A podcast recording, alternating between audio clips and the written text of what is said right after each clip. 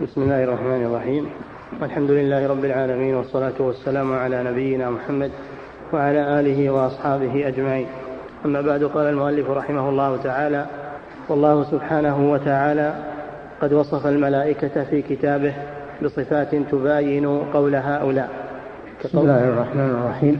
الحمد لله الصلاة والسلام على رسول الله وعلى آله وأصحابه أجمعين. تقدم أن الشيخ رحمه الله ذكر عن الفلاسفة أنهم يقولون إن الملائكة لا حقيقة لها في الوجود وإنما هي خيالات يتخيلها يتخيلها الناس فهي القوى الذهنية تخيلها النبي أنها جاءت إليه وأنها حدثته وأنها والشياطين كذلك إنما هي القوى الشريرة التي تحضر في ذهن الإنسان. هكذا قول الفلاسفة في الملائكة والشياطين لأنهم لا يؤمنون بالغيب لا يؤمنون بالغيب ويفسرون الأشياء بأفهامهم. فالشيخ يرد عليهم ويقول الملائكة خلق من خلق الله لهم وجود في الكون. ولهم صفات في القرآن وصفهم الله جل وعلا فهم ليسوا قوى ذهنية أو أفكارا وإنما هي مخلوقات. كما أن الله خلق بني آدم خلق أيضا الجن والشياطين وخلق الملائكة. عوالم عوالم خلقها الله سبحانه وتعالى. عالم الملائكة وعالم الشياطين وعالم الإنس وعالم الجن عوالم كثيرة لا يعلمها إلا الله سبحانه وتعالى. فالله وصف الملائكة بأنهم عباد وأنهم عنده سبحانه في السماوات وأنهم يتنزلون بأمره يتنزلون بأمره إلى الأرض منهم من ينزل بالوحي ومنهم من ينزل بإحصاء أعمال بني آدم كتابتها ومنهم ومنهم أصناف ولهم أوصاف وهم عالم من عالم الغيب لا يعلمهم إلا الله سبحانه وتعالى. نعم. والله سبحانه وتعالى قد وصف الملائكة في كتابه بصفات تباين قول هؤلاء. قول الفلاسفة يعني. نعم. كقول الله تعالى وقالوا اتخذ الرحمن ولدا. سبحانه بل عباد مكرمون. قالوا اتخذ الرحمن ولدا. النصارى يقولون إن عيسى ابن الله المسيح ابن الله. ومشرك العرب يقولون الملائكة بنات الله. وصفوا له نسبوا له البنين والبنات. سبحانه وتعالى. والفلاسفة يقولون الملائكة ما سمعتم أنهم قوى ذهنية أو نفسية. هذه أقوالهم في الملائكة. الله جل وعلا رد على المشركين وعلى النصارى. قال سبحانه ما اتخذ الله من ولد ما كان معه من إله وجعلوا الملائكة الذين هم عباد الرحمن إناثا.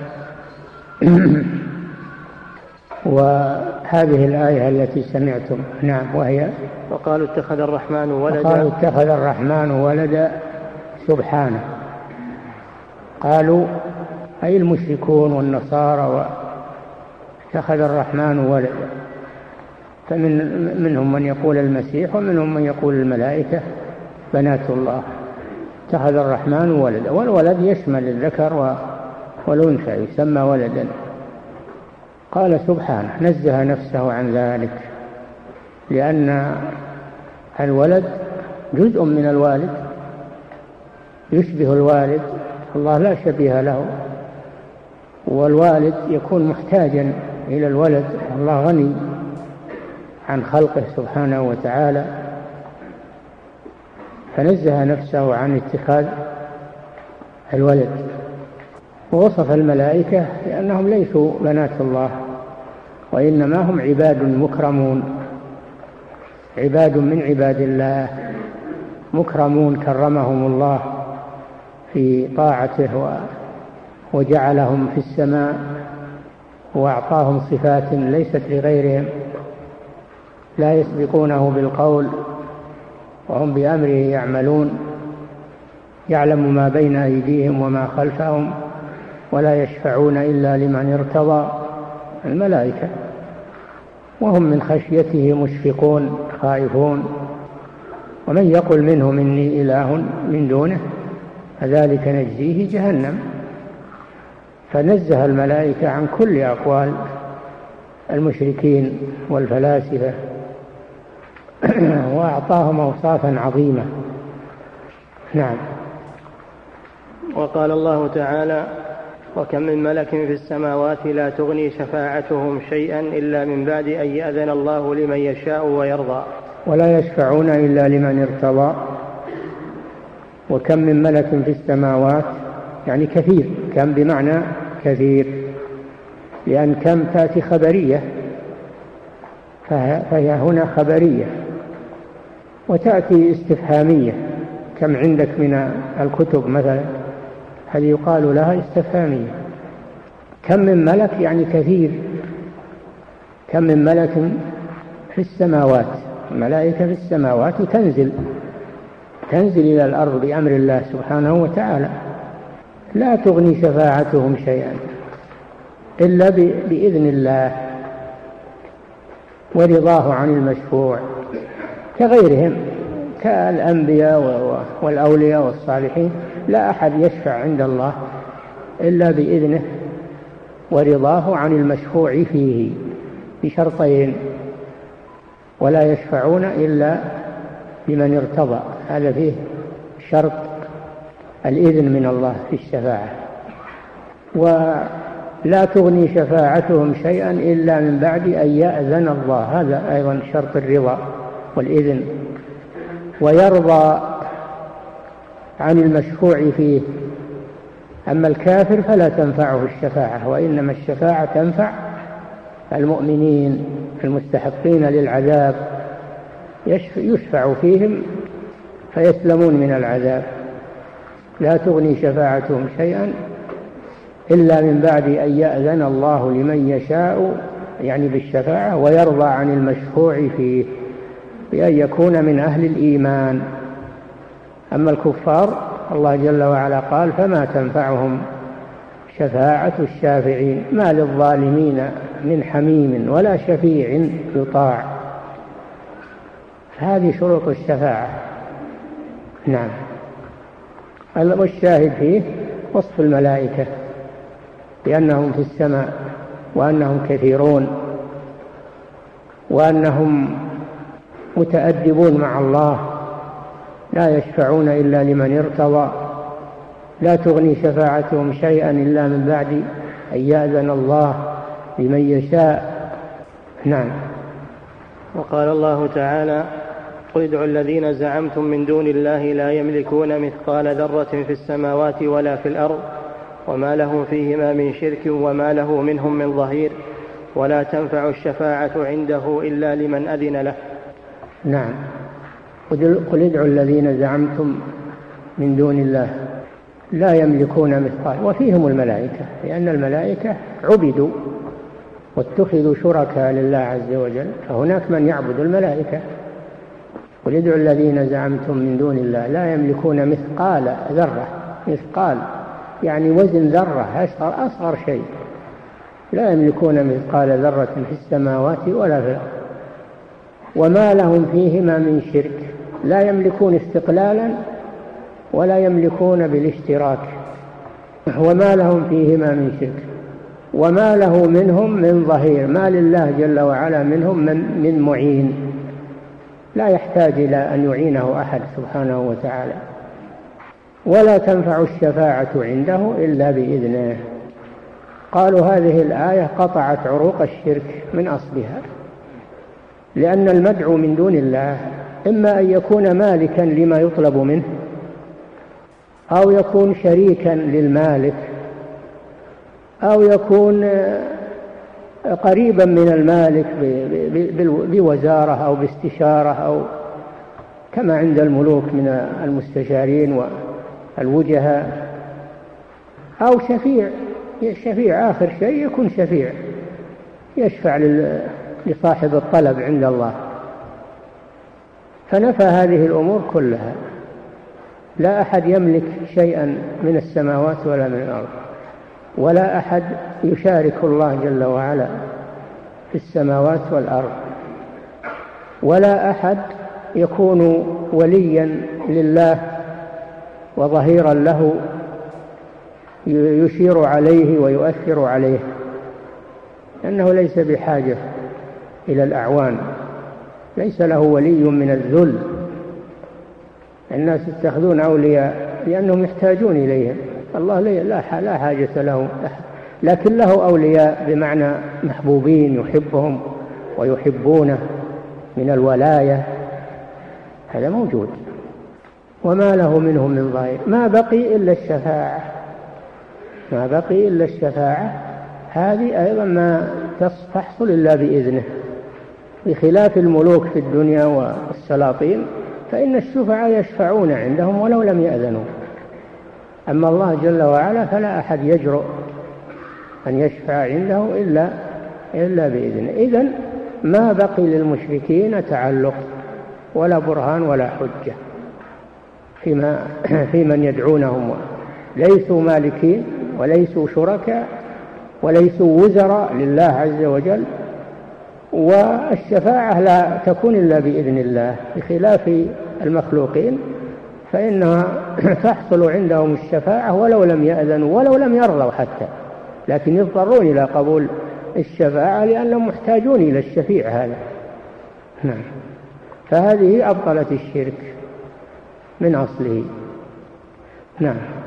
وقال الله تعالى والشاهد منها أن أن الملائكة من جملة من يدعون من يدعوهم المشركون وهم لا يملكون شيئا ولا يشاركون الله وليسوا وزراء وأعوان لله عز وجل ولا يشفعون عنده إلا بإذنه. نعم. وقال الله تعالى وله من في السماوات والأرض ومن عنده لا يستكبرون عن عبادته ولا يستحسرون. يسبحون الليل والنهار لا يفترون. نعم. وهذه الآية أيضا وله من في السماوات ومن في الأرض. كله ملك الله جل وعلا. كل ما في السماوات وما في الأرض فهو ملك لله. لا أحد يملك مع الله شيئا. إلا من ملكه الله ملكا مؤقتا ثم ينزع منه الملك ويعطى لغيره. ما أحد يستمر في هذه الدنيا يملك يؤخذ منه الملك ويعطى لغيره. من السلاطين والأمراء يستمرون وله من في السماوات ومن في الأرض من المخلوقات. فإذا كانوا مملوكين لله فكيف يدعون مع الله سبحانه وتعالى؟ ثم قال ومن عنده؟ يعني الملائكة لأنهم عند الله في السماء عندية إكرام وتقريب من الله سبحانه وتعالى. عنده يعني في السماء. ومن عنده وهم الملائكة لا يستكبرون عن عبادته مع أن لهم مكانة مرتفعة عند الله سبحانه وتعالى. ومع هذا لا يستكبرون عن عبادته هم عباد. فكيف يدعون مع الله وهم عباد؟ لا يستكبرون عن عبادته ولا يستحسرون.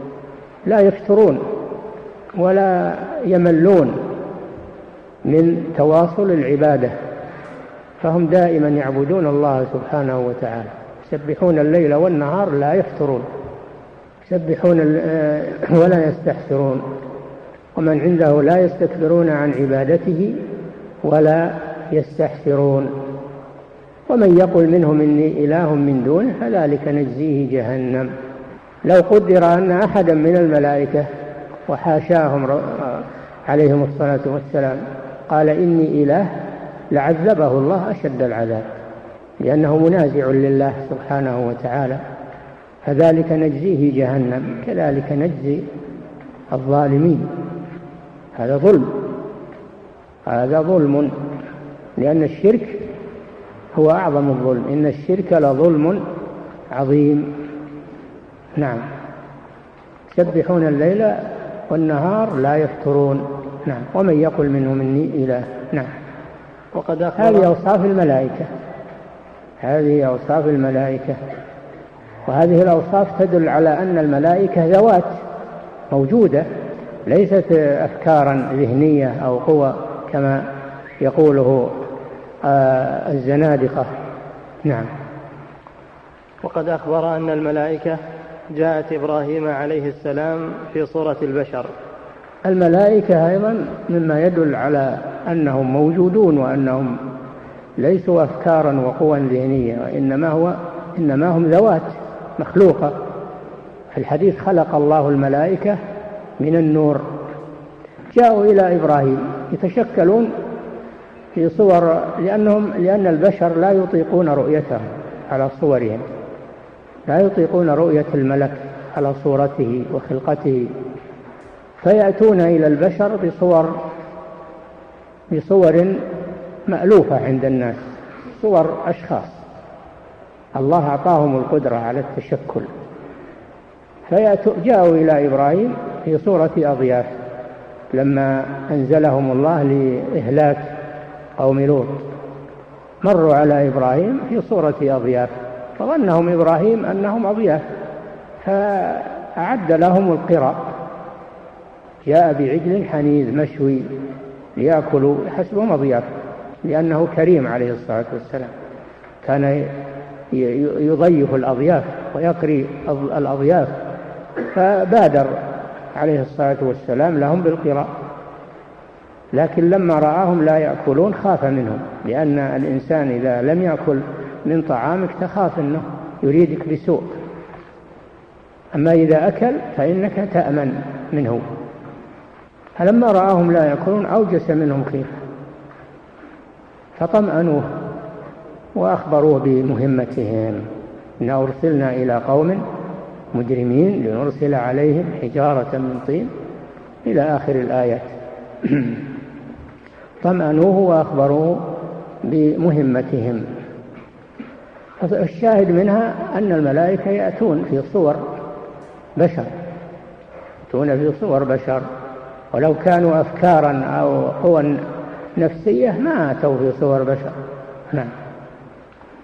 وأن الملك تمثل لمريم بشرا سويا. وكذلك الملك وهو جبريل عليه السلام جاء إلى مريم وهي قد انعزلت عن قومها واتخذت من دونهم حجابا وتفرغت للعبادة. لعبادة ربها واحتجبت عن الناس جاءها الملك في صورة إنسان تمثل لها بشرا أرسلنا إليها روحنا يعني جبريل عليه السلام فتمثل لها بشرا سويا. ما جاءها بصورة جبريل لأنه ما تطيق رؤيته بل جاء بصورة بشر سوي متكامل الأعضاء متكامل الخلقة بشرا سويا من أجل تأنس معه ولا تنفر ثم إنه قال لها ما قال وانتهى الأمر بأن نفخ فيها من روح من الروح التي يحملها من الله جل وعلا فحملت بعيسى عليه السلام. هذا الأفكار والقوى النفسية تأتي كذا. هذا دليل على أن الملائكة ذوات ولهم وجود وليسوا لهم وجود في الخارج وليس في الأذهان فقط. نعم. وكان جبريل عليه السلام يأتي النبي صلى الله عليه وسلم في صورة دحية الكلبي. كذلك كان يأتي إلى نبينا محمد صلى الله عليه وسلم في صورة رجل في الغالب في الغالب يأتي في صورة رجل وعنده أصحابه يرونه يرون الرجل ولا يدرون منه لا يدرون من هو. يأتي ويكلم الرسول صلى الله عليه وسلم وهم يسمعون ويخرج على أنه رجل لأنهم لا يطيقون رؤيته. ولم يره صلى الله عليه وسلم على صورته الملكية إلا في مرتين. مرة في الأرض رآه في الأفق المبين في الأفق يعني في الجو على صورته ورآه ليلة المعراج عند سدرة المنتهى. رآه مرتين. وما عدا هاتين المرتين يأتيه في صورة رجل نعم. وكان جبريل عليه السلام يأتي النبي صلى الله عليه وسلم في صورة دحية الكلبي وفي تصور بصورة دحية الكلبي. كان رجلا حسن الصورة جميل المنظر وهو صحابي جليل رضي الله عنه. نعم. وفي صورة أعرابي. وأحيانا يأتي في صورة أعرابي لا يعرفونه.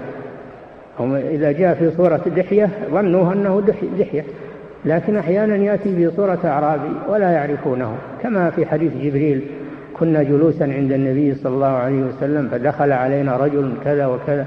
نعم. في صورة دحية الكلبي وفي صورة أعرابي ويراهم الناس كذلك. نعم.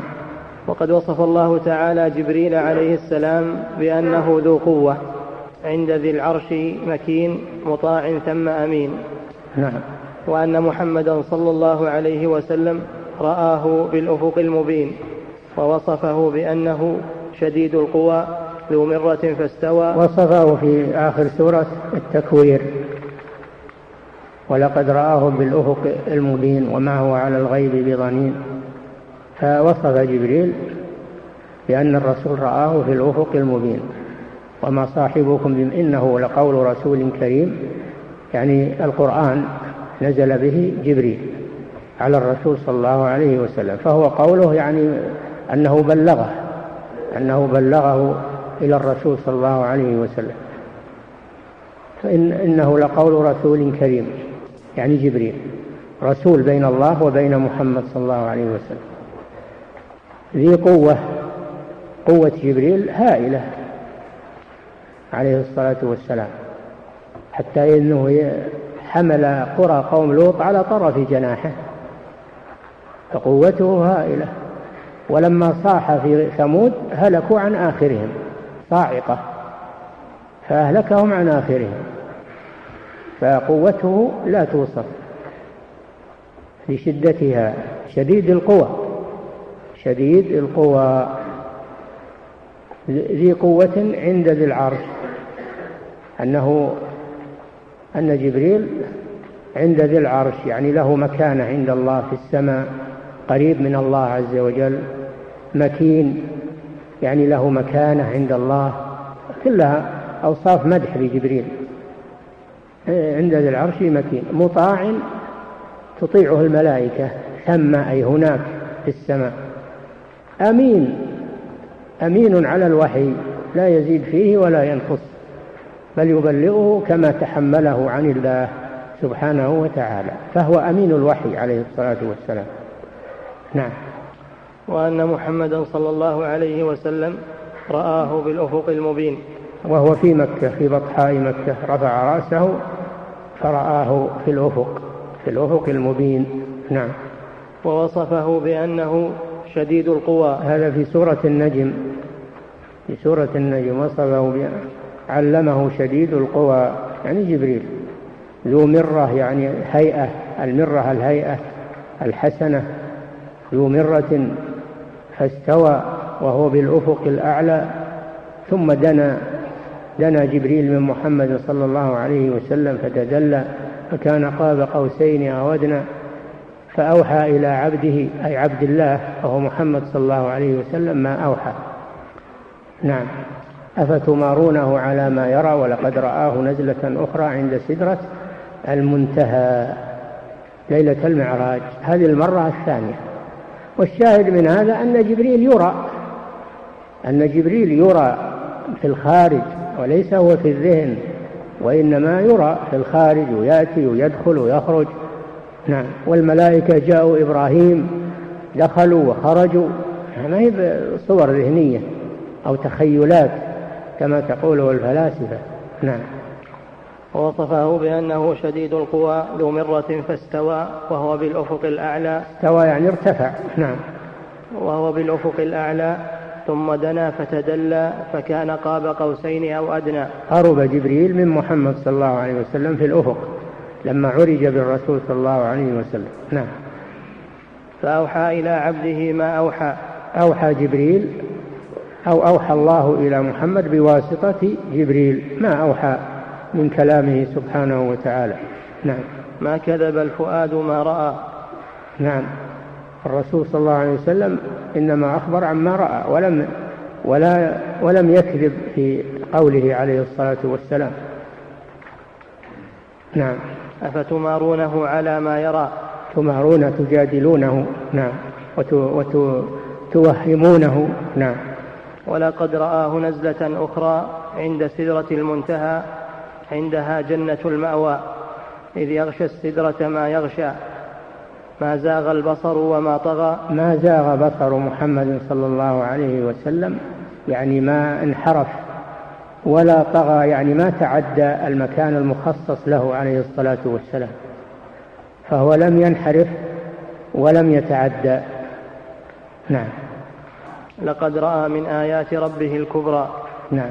وقد ثبت في الصحيحين عن عائشة رضي الله عنها عن النبي صلى الله عليه وسلم أنه لم ير جبريل في صورته التي خلق عليها خير مرتين. يعني المرة الأولى بالأفق الأعلى والنزلة الأخرى عند سدرة المنتهى. نعم. ووصف جبريل عليه السلام في موضع آخر بأنه الروح الأمين. نعم نزل به الروح الأمين القرآن. وإنه لتنزيل رب العالمين. نزل به الروح الأمين على قلبك لتكون من المنذرين. فسماه الروح من الروح القوي. الأمين على ما يؤتمن عليه على الوحي. لا يزيد في الوحي ولا ينقص. نعم. ولا, ولا تقربه الشياطين. لا تقربه الشياطين. نعم. ووصف جبريل عليه السلام في موضع آخر بأنه الروح الأمين وأنه روح القدس. نعم وصفه بأنه الروح الأمين كما في سورة الشعراء. ووصفه بأنه روح القدس يعني الطهر. كما قال تعالى قل نزله روح القدس من ربك نعم نزل به الروح الأمين نزله روح القدس من ربك. نعم. إلى غير ذلك من الصفات. وهذا يدل على أن الملائكة لهم ذوات ولهم وجود. يرى ويشاهد. رآه محمد صلى الله عليه وسلم على صورته ورآه الناس في صورته التي التي ظهر عليهم بها. فلو كان قوى نفسانية لما ظهر ولما ويتكلم أيضا. يخاطب. أخبرني عن الإسلام أخبرني عن الإيمان. أخبرني عن الإحسان إلى آخر الحديث. هل هذا قوة نفسانية؟ الصحابة يسمعون هذا ويرون الشخص. نعم.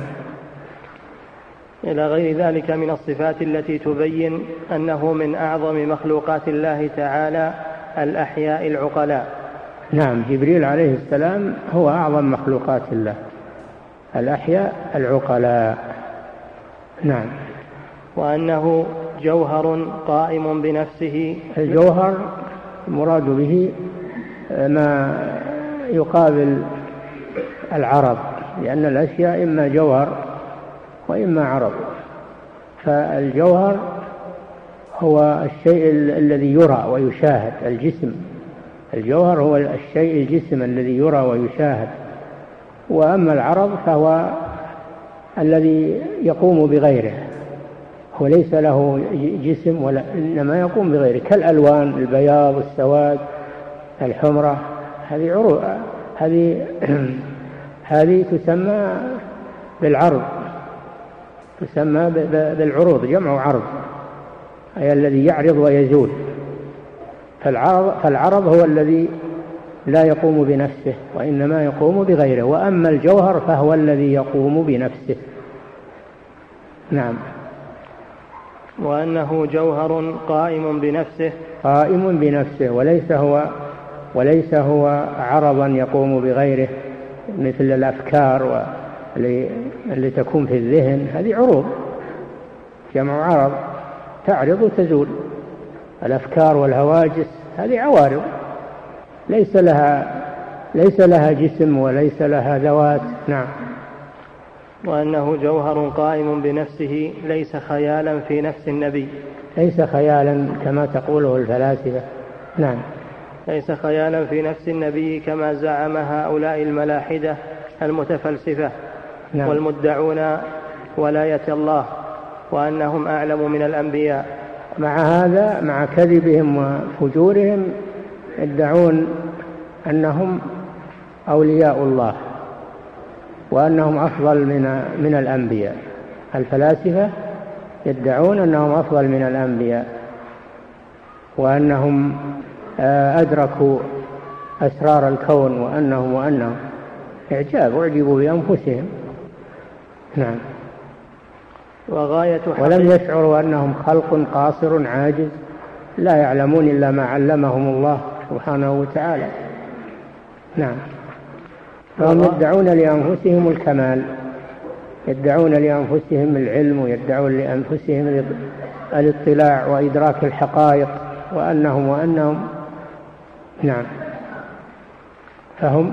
وكما زعم هؤلاء الملاحدة المتفلسفة والمدعون ولاية الله وأنهم أعلم من الأنبياء. نعم. لأن الأنبياء يأخذون بالواسطة. عن الله وهم يأخذون عن الله مباشرة فهم أفضل من الأنبياء بزعمهم. الأنبياء إنما يأخذون عن غيرهم وهم يأخذون بدون واسطة يدركون الأشياء أعجبوا بأنفسهم إلى هذا الحد فصاروا يفضلون أنفسهم على الأنبياء. ويقولون إن الولي يعنون أنفسهم الولي أفضل من النبي. مقام النبوة في برزخ فويق الرسول ودون الولي. هذا من شعرهم قبحهم الله. مقام النبوة في برزخ فويق الرسول ودون النبي. نعم. وغاية حقيقة هؤلاء إنكار أصول الإيمان بأن يؤمن بالله وملائكته وكتبه ورسله واليوم الآخر. ينكرون أركان الإيمان الإيمان بالله والإيمان بالملائكة والإيمان بالرسل لأنهم يدعون أنهم أفضل من الرسل ومن الأنبياء. وأيضا اليوم الآخر لا يؤمنون به. يقول يبي يأتي كلامهم فيه يؤولونه على ما يريدون. نعم. وغاية حقيقة هؤلاء إنكار أصول الإيمان بأن يؤمن بالله وملائكته وكتبه ورسله واليوم الآخر وحقيقة أمرهم جحد الخالق فإنهم جعلوا وجود المخلوق هو وجود الخالق. نعم انتهى بهم الأمر إلى القول بوحدة الوجود وأن الكون ليس فيه انقسام بين خالق ومخلوق بل هو الله كله. ويقولون التوحيد هو أن لا تقسم الكون إلى خالق ومخلوق بل تجعل الكون كله هو الله. فما عبدت من أي شيء فأنت عبدت الله. اللي يعبدون الأصنام والأوثان والجن والإنس يعبدون الله لأنهم لأن الله هو الوجود المطلق. سبحانه عما يقولون. نعم. وحقيقة أمرهم جحد الخالق فإنهم جعلوا وجود المخلوق هو وجود الخالق. وقالوا ولذلك يسمون بأهل وحدة الوجود. يسمون أهل وحدة الوجود لأن الوجود لا ينقسم إلى رب ومخلوق كله هو الرب. وهذا هو التوحيد عندهم. واللي يقسم الوجود إلى خالق ومخلوق يقولون هذا مشرك. يسمونه مشرك. نعم. وقالوا الوجود واحد. نعم. ولم يميزوا بين الواحد بالعين والواحد بالنوع. نعم. فإن, فإن الموجودات تشترك في مسمى الم... فإن الموجودات تشترك في مسمى الوجود. نعم الموجودات كلها تشترك في مسمى الوجود أنها موجودة لكن وهذا في الذهن. أما في الخارج فتنقسم تنقسم إلى أقسام خالق ومخلوق والمخلوقات تنقسم إلى عوالم وأصناف. هم لا يرون فيه تعدد ولا انقسام. نعم. فإن الموجودات تشترك في مسمى الوجود كما تشترك الأناسي في مسمى الإنسان والحيوانات في مسمى الحيوان ولكن هذا المشترك الكلي لا يكون مشتركا كليا إلا في الذهن. فكل الأشياء موجودة لكن الله جل وعلا له وجود خاص به والمخلوقات لها وجود خاص بها. وإن كانت كلها تشترك في اسم الوجود. نعم. في الذهن. هذا في الذهن. نعم. ولكن هذا المشترك الكلي لا يكون مشتركا كليا إلا في الذهن وإلا فالحيوانية القائمة بهذا الإنسان ليست هي الحيوانية القائمة بالفرس. نعم. الآدميون والبهائم وكلها تشترك في اسم الوجود. كلها تشترك في اسم كل منها موجود تشترك في اسم الوجود لكنها تنقسم. هذا فرس وهذا حمار وهذا بعير وهذا هذا شاة وهذا كلب وهذا أسد وهذا متفاوتة. وهذا إنسان وهذا ملك وهذا جني وهذا متفاوتة في وجودها. فالكون منقسم إلى أقسام. ما عدا الله جل وعلا فإنه أقسام. مخلوقات في العالم العلوي والسفلي مخلوقات هم يقولون لا ما في انقسام كله هو الله. نعم. ووجود السماوات ليس هو بعينه وجود الإنسان. نعم. فوجود الخالق جل جلاله ليس هو كوجود مخلوقاته. نعم. وحقيقة قولهم قول فرعون الذي عطل الصانع فإنه حقيقة قولهم أنه لا ليس هناك رب. مثل قول فرعون أنا ربكم الأعلى يعني ما في رب. ما علمت لكم من إله من إله غيري. هذا مذهب الفلاسفة تماما. جحود الخالق سبحانه وتعالى. لكن يقولون فرعون صار مشرك لأنه قسم قال أنا ربكم الأعلى. مع أن كل كل الموجود هو الرب. فهو أنكر عليه موسى هذا التقسيم زعما حتى يجعلون موسى من أهل وحدة الوجود. أنكر عليه هذا التقسيم. ولو أنه قال إن الوجود كله واحد صار موحدا ولم ينكر عليه. نعم. وحقيقة قولهم قول فرعون. وهذا قول ابن عربي وقول آه، أتباعه من من فلاسفة الصوفيين ابن عربي وغيره. من فلاسفة المتصوفة ابن عربي وابن الفارض و والعفيف التلمساني وغيرهم. هذا قولهم. وحدة الوجود. نعم. وحقيقة قولهم قول فرعون الذي عطل الصانع فإنه عطل يعني جحد الله جل وعلا. الصانع يعني الخالق عطل الخالق. نعم. فإنه لم يكن منكرا هذا الموجود المشهود ولكن زعم أنه موجود بنفسه لا صانع له وهؤلاء وافقوه في ذلك نعم. لكن زعموا بأنه هو الله فكانوا أضل منه زعموا أن الكون كله هو الله فصاروا أضل من فرعون لأن فرعون ما ادعى أن الكون كله هو الله بل قال أنا ربكم الأعلى فميز نفسه عنهم ميز نفسه عنهم وهم لا يميزون بين خالق ومخلوق وبين رب وعبد ما يميزون بين هذا؟ نعم. لكن زعموا بأنه هو الله فكانوا أضل منه وإن كان قوله هذا هو أظهر هو أظهر فسادا منهم. ولهذا جعلوا عباد عباد الأصنام ما عبدوا إلا الله. نعم هذا نتيجة القول بوحدة الوجود. أن كل من عبد شيئا فإنما عبد الله لأن الكون كله هو الله. فالإنسان والحيوان والصنم والحجر والشجر هو الله بزعمه. تعالى الله عما يقولون. نعم. ولهذا جعلوا عباد الأصنام ما عبدوا إلا الله وقالوا لما كان فرعون في منصب التحكم صاحب السيف وإن جاز في العرف الناموس لذلك قال أنا ربكم الأعلى. هو, هو, هو أخطأ عندهم من هالناحية أنه قال أنا ربكم الأعلى مع أن الكون كله هو الرب ما يختص بفرعون. لكن لما غلب صار عنده قوة وعجب بنفسه ادعى لنفسه أنه هو هو الرب. نعم. لذلك قال أنا ربكم الأعلى أي وإن كان الكل أربابا بنسبة ما فأنا الأعلى منكم بما, أعطي بما أعطيته. نعم. بما أعطيته في الظاهر من الحكم فيكم نعم.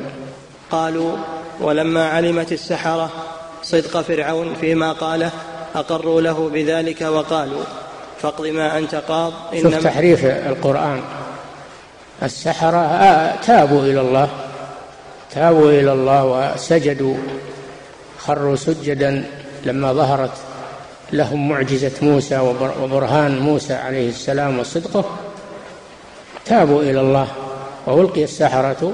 ساجدين قالوا آمنا برب العالمين رب موسى وهارون. ولما هددهم فرعون بالقتل والصلب قالوا اقض ما أنت قاض. إنما تقضي هذه الحياة الدنيا. إنا آمنا بربنا ليغفر لنا خطايانا وما أكرهتنا عليه من السحر. والله خير وأبقى. أنت تقتلنا في هذه الدنيا وتصلبنا لكن مآلنا إنا إلى ربنا آه، لمنقلبون. مآلنا إلى الله سبحانه وتعالى. فهذا منهم هذا الكلام منهم أنهم مؤمنون بالله عز وجل وبما قاله موسى عليه الصلاة والسلام وهارون عليهما السلام. لكن هم الفلاسفة يقولون لا إن إنهم لما عرفوا أن فرعون صادق قالوا اقض ما أنت قاض. اقض ما أنت قاض. عرفوا أنه صادق. ففوضوا إليه الأمر وقالوا اقضى اقض ما أنت قاض. هذا تحريف لكلام الله سبحانه وتعالى. نعم. فكأنهم رضوا عن فرعون وعرفوا أنه صادق فقالوا اقض ما أنت قاض لأنك أنت الرب. نعم. قالوا ولما علمت السحرة صدق فرعون فيما صدق فرعون. شوف التحريف. نعم.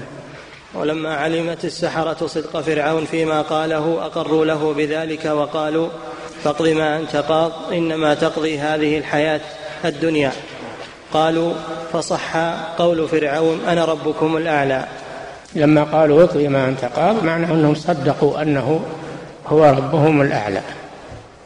تعالى الله عما يقولون. نعم. وكان فرعون عين الحق ثم أنكروا حقيقة اليوم الآخر فجعل انتهى كلامهم في الرب سبحانه وتعالى. هو الشيخ يريد أن يبين كفرهم بأركان الإيمان. الإيمان بالله انتهى منه وأنهم يرون أن الله هو الكون كله. وكذلك أنكروا حقيقة اليوم الآخر فقالوا إن اليوم الآخر عبارة عن عن أحوال تتغير فقط. نعم. ثم أنكروا حقيقة اليوم الآخر. ما عندهم أن اليوم الآخر أنه بعث للناس من القبور وجزاء وحساب وجنة ونار. ما عندهم هذا. نعم. فجعلوا أهل النار يتنعمون كما يتنعم أهل الجنة. نعم أهل النار يتنعمون بالنار. ولا ولا تؤلمهم. ولا توجعهم يتنعمون بها. كما يتنعم أهل الجنة بالنعيم عندهم. نعم. فجعلوا أهل النار يتنعمون كما يتنعم أهل الجنة فصاروا كافرين بالله واليوم الآخر وبملائكته وكتبه ورسله. هذه حقيقة الفلاسفة أنهم كافرون بالله وكافرون بالملائكة لأنهم يقولون ما فيه ملائكة ولا فيه رب. الكون كله هو الله ولا فيه رب مستقل. وكافرون باليوم الآخر لأنهم يقولون ما فيه جنة ونار كلهم سواء في النعيم أهل النار يتنعمون ولا في عذاب. نعم. فصاروا كافرين بالله واليوم الآخر وبملائكته وكتبه ورسله مع دعواهم أنهم خلاصة خاصة الخاصة. يدعون لأنفسهم أنهم أكمل الناس إيمانا وعقولا وأنهم انتهى بهم الأمر إلى التوحيد إلى التوحيد وهو الوحدة. فالذي لا يقول بوحدة الوجود مشرك والذي يقول بوحدة الوجود هذا هو الموحد عندهم. نعم. مع دعواهم أنهم خلاصة خاصة الخاصة من أهل ولاية الله. نعم. وأنهم أفضل من الأنبياء. وأن الأنبياء إنما يعرفون الله من مشكاتهم. من مشكاتهم هم اللي يدلون الأنبياء لأنهم أعرف من الأنبياء. نعم. وليس هذا موضع بسط إلحاد هؤلاء ولكن لما كان الكلام في أولياء الله والفرق بين أولياء الرحمن وأولياء الشيطان وكان هؤلاء من أعظم الناس ادعاء لولاية الله وهم أعظم الناس ولاية للشيطان نبهنا على ذلك. رحمه الله.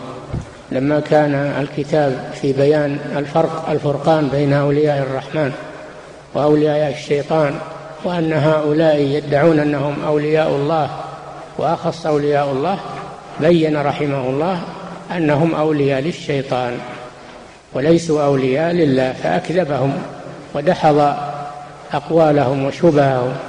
نعم. وهم أعظم الناس ولاية للشيطان نبهنا على ذلك ولهذا عامة كلامهم إنما هو في الحالات الشيطانية. نعم وهذا لا بد من بيان بيان ضلالهم. لأنه موجود ضلالهم موجود وكتبهم موجودة.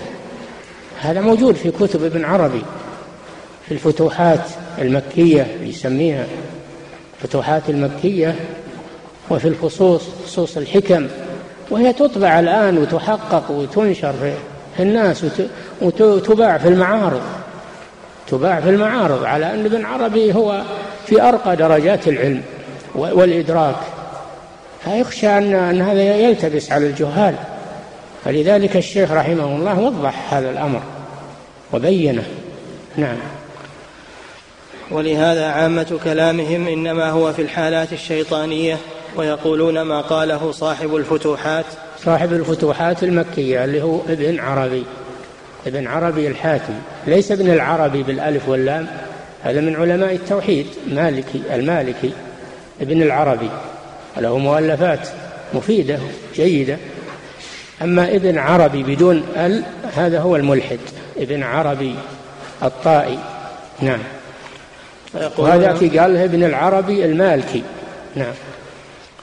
ويقولون ما قاله صاحب الفتوحات باب أرض الحقيقة ويقولون هي أرض الخيال. نعم. فتعرف بأن الحقيقة فتعرف بأن الحقيقة التي يتكلم فيها هي خيال. نعم الخيال عنده. كل الخيالات عنده. ليس لها حقائق ولا ثبوت وإنما هي ضلالات وكفريات. نعم. يدعي أنها أكمل درجات العلم. والإدراك. نعم. بأن الحقيقة التي يتكلم فيها هي خيال ومحل تصرف الشيطان فإن الشيطان يخيل للإنسان الأمور بخلاف ما هي. قال الله تعالى ومن يعش عن ذكر الرحمن نقيض له شيطانا فهو له قرين وإنهم ليصدونهم عن السبيل ويحسبون أنهم مهتدون. هؤلاء هم أولياء الشياطين. هم أولياء الشيطان لأنهم أعرضوا عن ذكر الرحمن فتولاهم الشيطان ودخل بهم في هذه المهام المهلكة والضلالات والظلمات والعياذ بالله. ومن يعش عن ذكر الرحمن يعني يعمى بصره عن ذكر الرحمن ولم ينظر فيه نقيض له شيطانا عقوبة له. فمن أعرض عن الله وعن محمد رسول الله تولاه الشيطان. نقيض له شيطانا عقوبة فهو له قرين لا يفارقه قرين. وإنهم ليصدونهم عن السبيل. الشياطين يصدون هؤلاء ويحسبون أنهم مهتدون. هذا من تمام العقوبة. الإنسان إذا أخطأ وصار أنه يشك من خطأه وأنه يمكن يراجع نفسه ويتوب هذا أخف من الذي يرى أنه على حق. لأن اللي يرى أنه على حق لا يرجع. وإنهم أي الشياطين ليصدونهم عن السبيل ويحسبون أنهم مهتدون. من أجل أن يستحكم الضلال عليهم. نسأل الله العافية. نعم. حتى إذا جاءنا قال يا ليت بيني وبينك بعد المشرقين فبئس القرين. نعم هذا في الدنيا. فإذا جاء يوم القيامة يقول هذا الإنسان للشيطان الذي أضله في الدنيا يا ليت بيني وبينك بعد المشرقين يعني المشرق والمغرب. فبئس القرين. ولن ينفعكم اليوم يعني يوم القيامة إذ ظلمتم أنكم في العذاب مشتركون. بل عاده أن الناس إذا صار آه، الضرر على الجميع يخف. يقول ما دام كل الناس كذا أنا من عرضهم يخف عليه الألم. لكن في الآخرة لا. كل يرى أن العذاب كله عليه.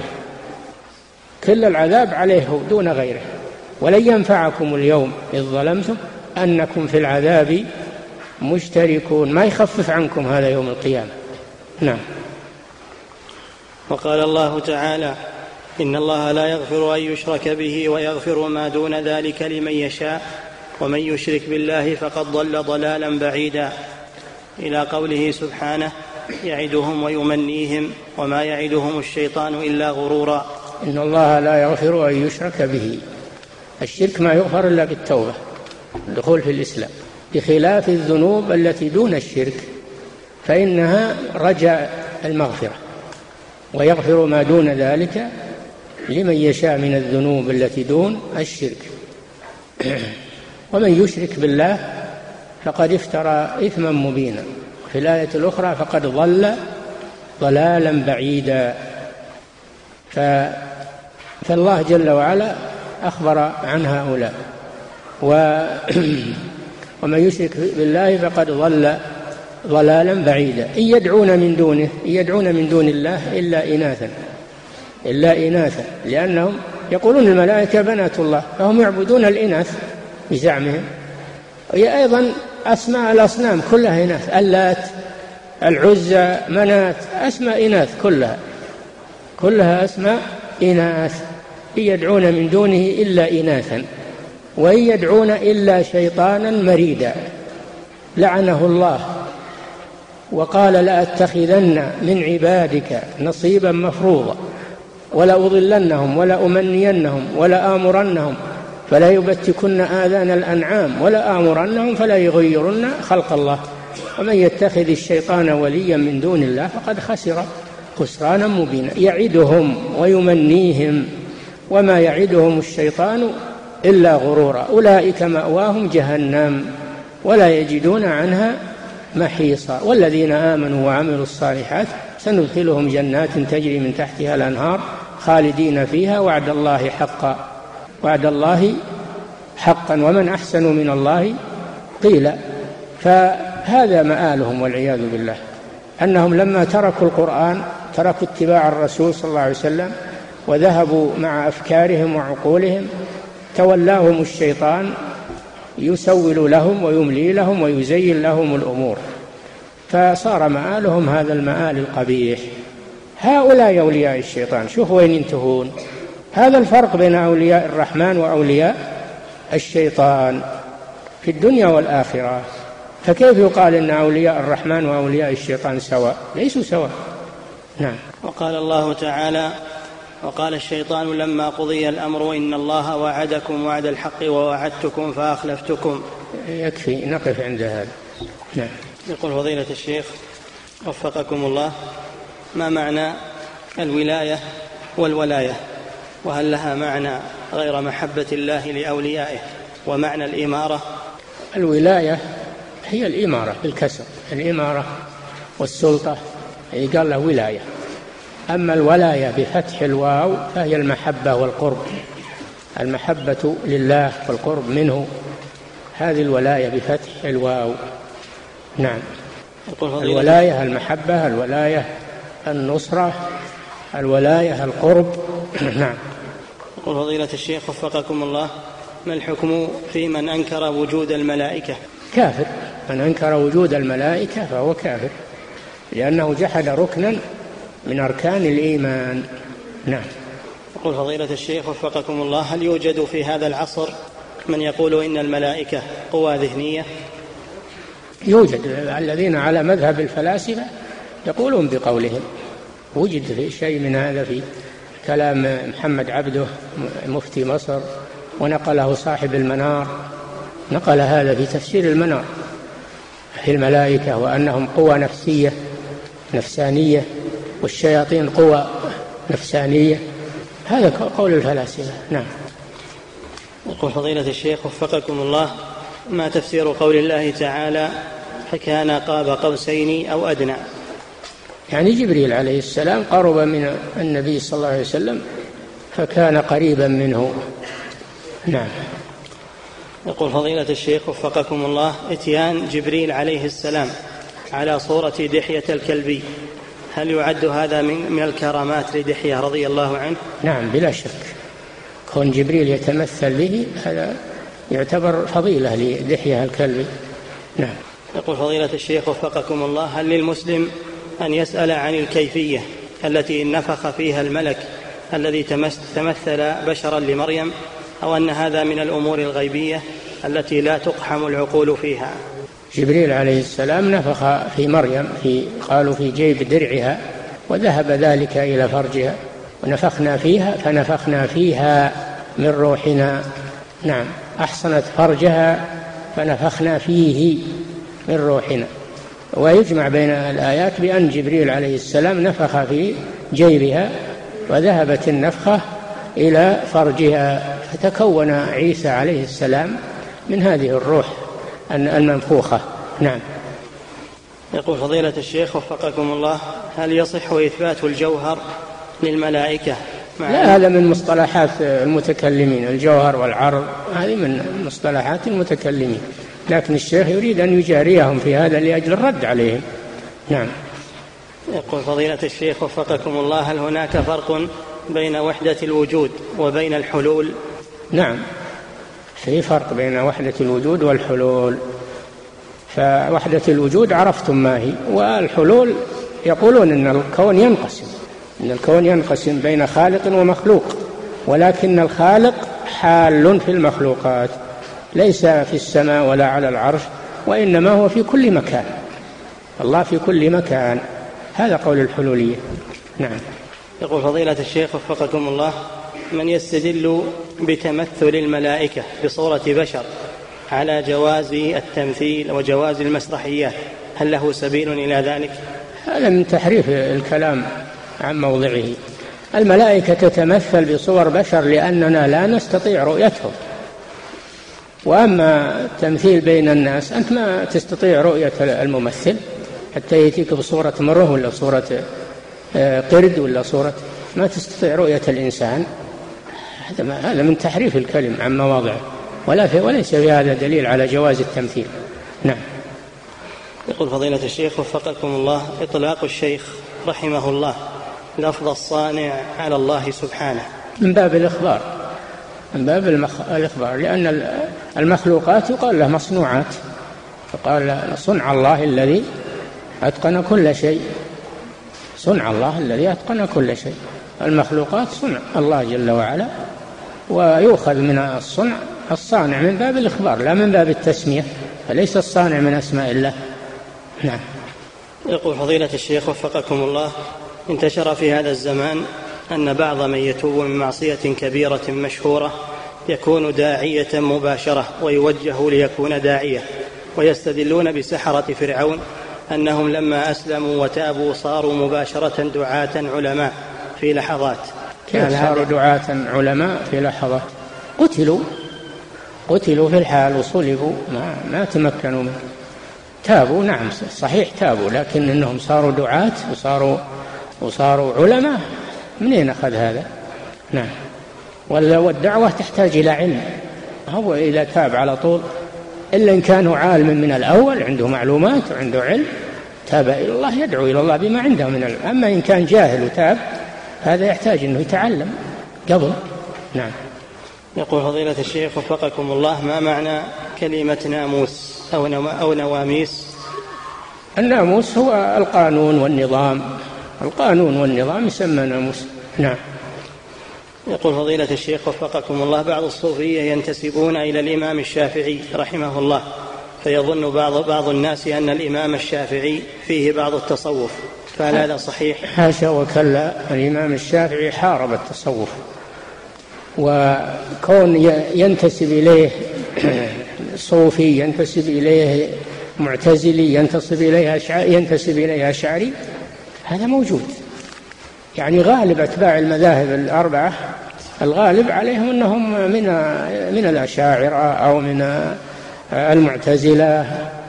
هذا لا يعيب الإمام أنه, أنه يأتي من ينتسب إليه فيما بعد وهو على مذهبه المخالف للإمام. نعم. الحنفية فيهم كثير والشافعية فيهم كثير. مخالفين لمذهب إمامهم أبي حنيفة والشافعي. المالكية فيهم كثير مما يخالف ما عليه الإمام مالك. نعم هذا شيء موجود. فهم في الفروع في الفروع شافعية لكن في العقيدة لا هم شافعية. كذلك في الحنفية في الفروع حنفية لكن في العقيدة ليسوا على مذهب أبي حنيفة. وعند الحنابلة أيضا ناس من هذا القبيل. هم في الفروع حنابلة لكن في العقيدة ليسوا حنابلة. نعم. يقول فضيلة الشيخ وفقكم الله هل يصح أو هل تصح الصلاة والسلام على الملائكة أم أن هذا خاص بالأنبياء والرسل؟ لا مانع من ذلك. الصلاة والسلام على جبريل على الملائكة على الرسل لا مانع من ذلك. نعم. يقول فضيلة الشيخ وفقكم الله ما معنى قول المؤلف رحمه الله الواحد بالعين والواحد بالنوع؟ يعني في فرق بين بين النوع وبين العين. فمثلا الحيوان هذا نوع هذا نوع يعم. أما الفرد هذا فرس وهذا حمار وهذا كلب وهذا إنسان وهذا أفراد تختلف. الأفراد تختلف والعين والنوع واحد. حيوان كله يسمى حيوان. نعم. يقول فضيلة الشيخ وفقكم الله هل هناك فرق بين عالم الجن وعالم الشياطين؟ كله من عالم الغيب. عالم الغيب يدخل فيه الجن ويدخل فيه الشياطين ويدخل فيه الملائكة. كله يدخل في عالم الغيب الذي نؤمن به ولم نره. نعم. يقول فضيلة الشيخ وفقكم الله هل تشفع الملائكة لعصاة المسلمين يوم القيامة؟ نعم. تشفع الملائكة ويشفع الأنبياء ويشفع الأولياء والصالحون ويشفع الأفراط الذين ماتوا صغارا. كلهم يشفعون. نعم. نقول فضيلة الشيخ وفقكم الله الخصمان اللذان تسورا المحراب محراب داود هل هم من الملائكة أم من البشر؟ من الملائكة.